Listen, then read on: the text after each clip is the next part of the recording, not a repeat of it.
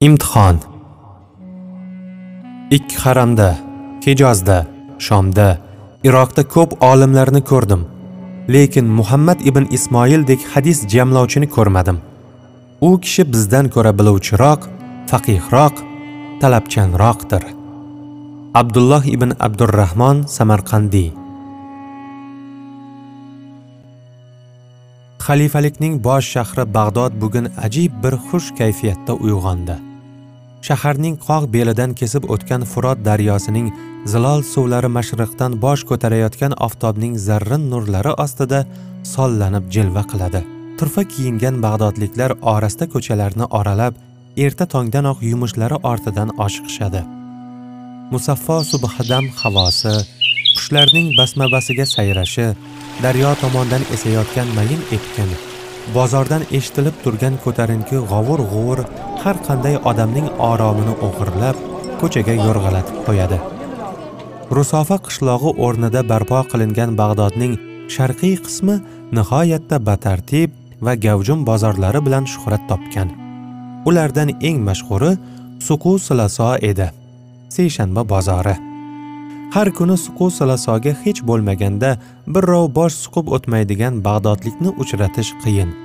Biror narsa xarid qilish bunga ehtiyoj bo'lmasa hech yo'q shahardagi yangilik va mishmishlardan xabardor bo'lish bunga ham hojat bo'lmasa birorta qadrdon bilan uchrashib suhbatini olish ilinji odamlarni bozor sari ohanraboday tortaveradi. Bugun ham hali quyosh ko'tarilmay turib bozor odamga to'lib ketdi. Bir tomonda bag'dodning mashhur Aslahatchilari o'zlari yasagan qilich xanjar shamshir kabi qurollarini ko'z ko'z qilib maqtanishadi yana bir yoqda bazzozlar baqir shahir bilan chindan keltirilgan harir shoyi va ipakli matolariga xaridor chorlash bilan band. Qandolatchilar rastasidan taralayotgan qiyom va shinnining yoqimli hidi odamlarning qadamini tezlattirib beixtiyor yo'lni o'sha tomonga solishga undaydi. Don dun va yeguliklar rastasida ayniqsa odam qaynaydi. Zargarlik va sahhoflik rastalarida boshqalariga qaraganda xaridor xiyla kam bo'lsa-da ko'p o'tmay ularning mijozlari ham birin ketin rastaga bosh suqib do'kondorlarning ko'zlarida xursandlik jilvalana boshlaydi.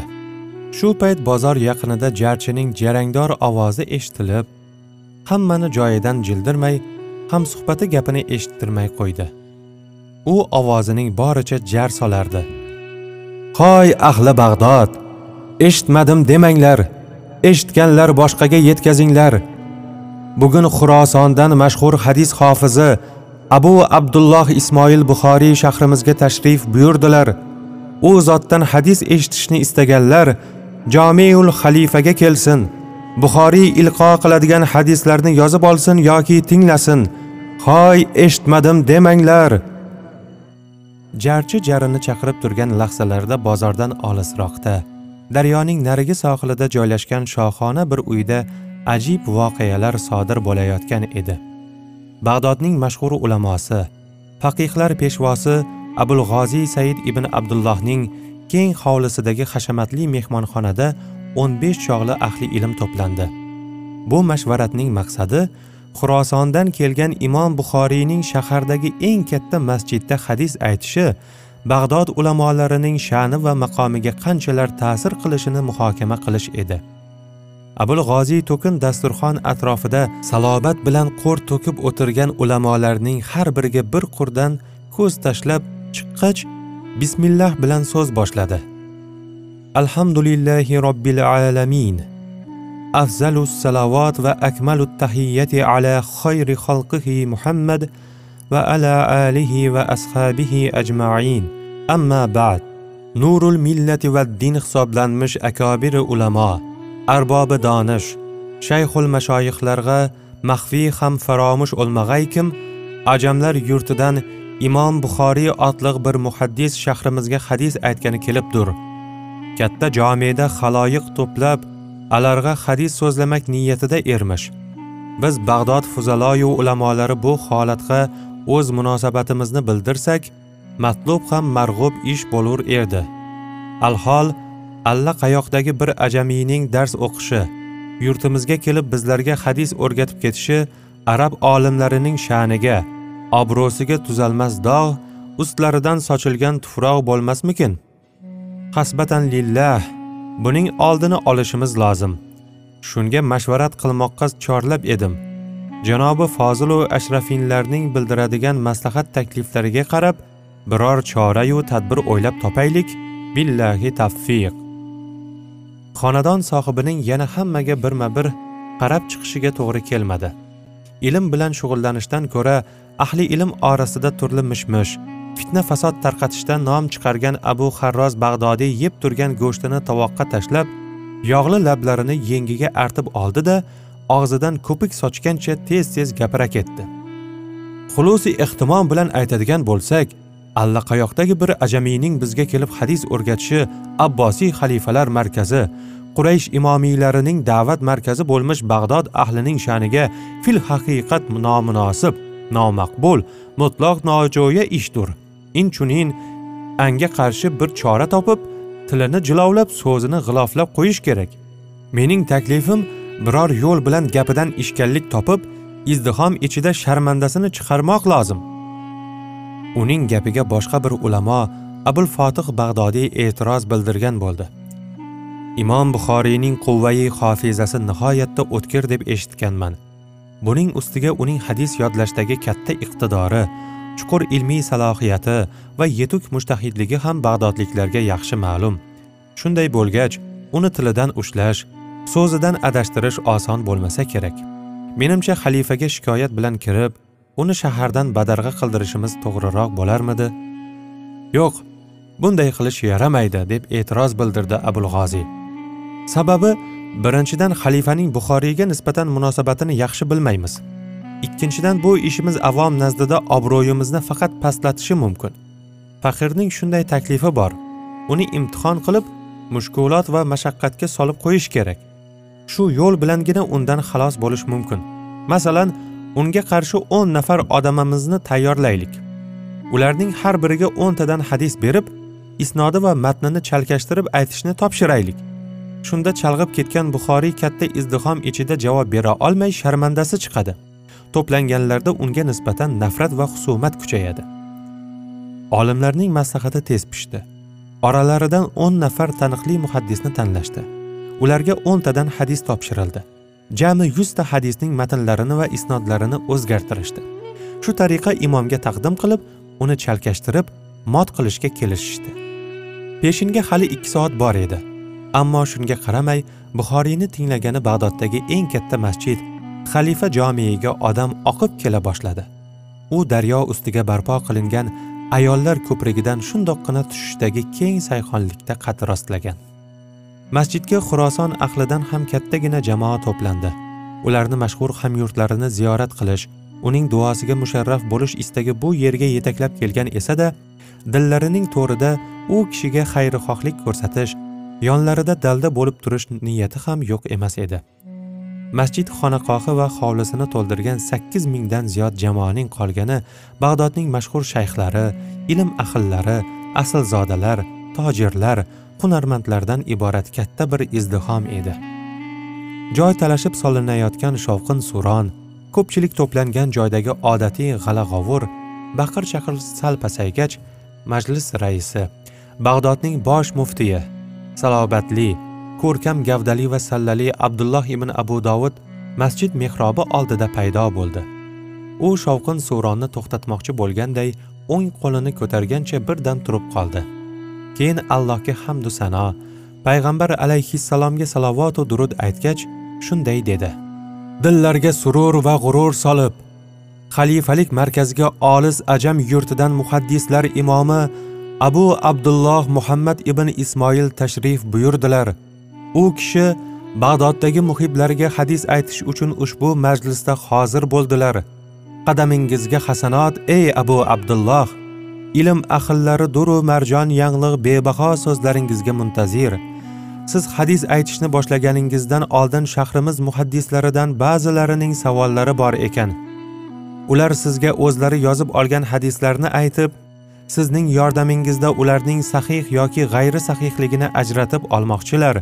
hozir ko'p mamnuniyat va ehtiromlar ila ularga so'z bersam tayinlangan 10 kishining birinchisi davra o'rtasiga chiqdi oldindan o'zgartirib chiqilgan yasama hadislardan bittasini keltirdi haddasana isroilu haddasana odamu haddasana al baro ibn ozib an abdullahi ibn yazid haddasana abu ishoqa فإذا قال سمع الله liman hamidah imom buxoriy ro'parasidagi turqi sovuq Xumbosh va yuziga zaharxandalik to'r solgan bu odamning ilk so'zlaridanoq o'zini adashtirish uchun fitna boshlanganini sezdi. Chunki gapirayotgan odam hadis sanadini ataylab chalkashtirib aytdi. Aslida haddasana odamu haddasana isroilu an abi ishoqa an abdullahi ibn yazid al xotmiya haddasana al baro ibn ozibin bo'lishi kerak edi. U hadis matnini ham o'zgartirib yuborgan edi. Omonatdorlik qilmay baro ibn ozibga tegishli u yolg'onchi emas edi iborasini qasddan tushirib qoldirdi. Muhaddis gapini tugatib xo'sh endi sening javobingni eshitaylikchi deganday buxoriyga ochiq istehzo va sovuq nigoh bilan qarab qo'ydi. Buxoriy pinagini ham buzmay muxolif tomonga hatto qarab ham qo'ymay bilmayman deb javob qildi.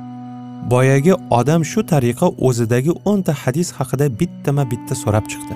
Buxoriy har gal bilmayman deyishdan nariga o'tmadi. U yer bu yerda shivir shivir yengil kulki va tomoq qirishlar boshlanib ketdi. Olimlar bir birlariga qarab bu odam tushunib turibdi shekilli deb xavfsiray boshlashdi. Biroq haqiqiy holatdan bexabar nodonlar buxoriyni ojizga va zehni pastga chiqarishga allaqachon hukm o'qib bo'lishgandi. Keyin ikkinchi kishi o'rnidan turib u ham o'zidagi o'nta hadisni ketma ket so'ray boshladi. Imom buxoriy yana bilmayman deyish bilan kifoyalanib turaverdi. Keyin odamlarning uchinchisi to'rtinchisi o'ninchisi o'rtaga chiqib o'zidagi hadislarni so'rab chiqdi. Imom ularga ham oldingi javoblarini takrorlayverdi.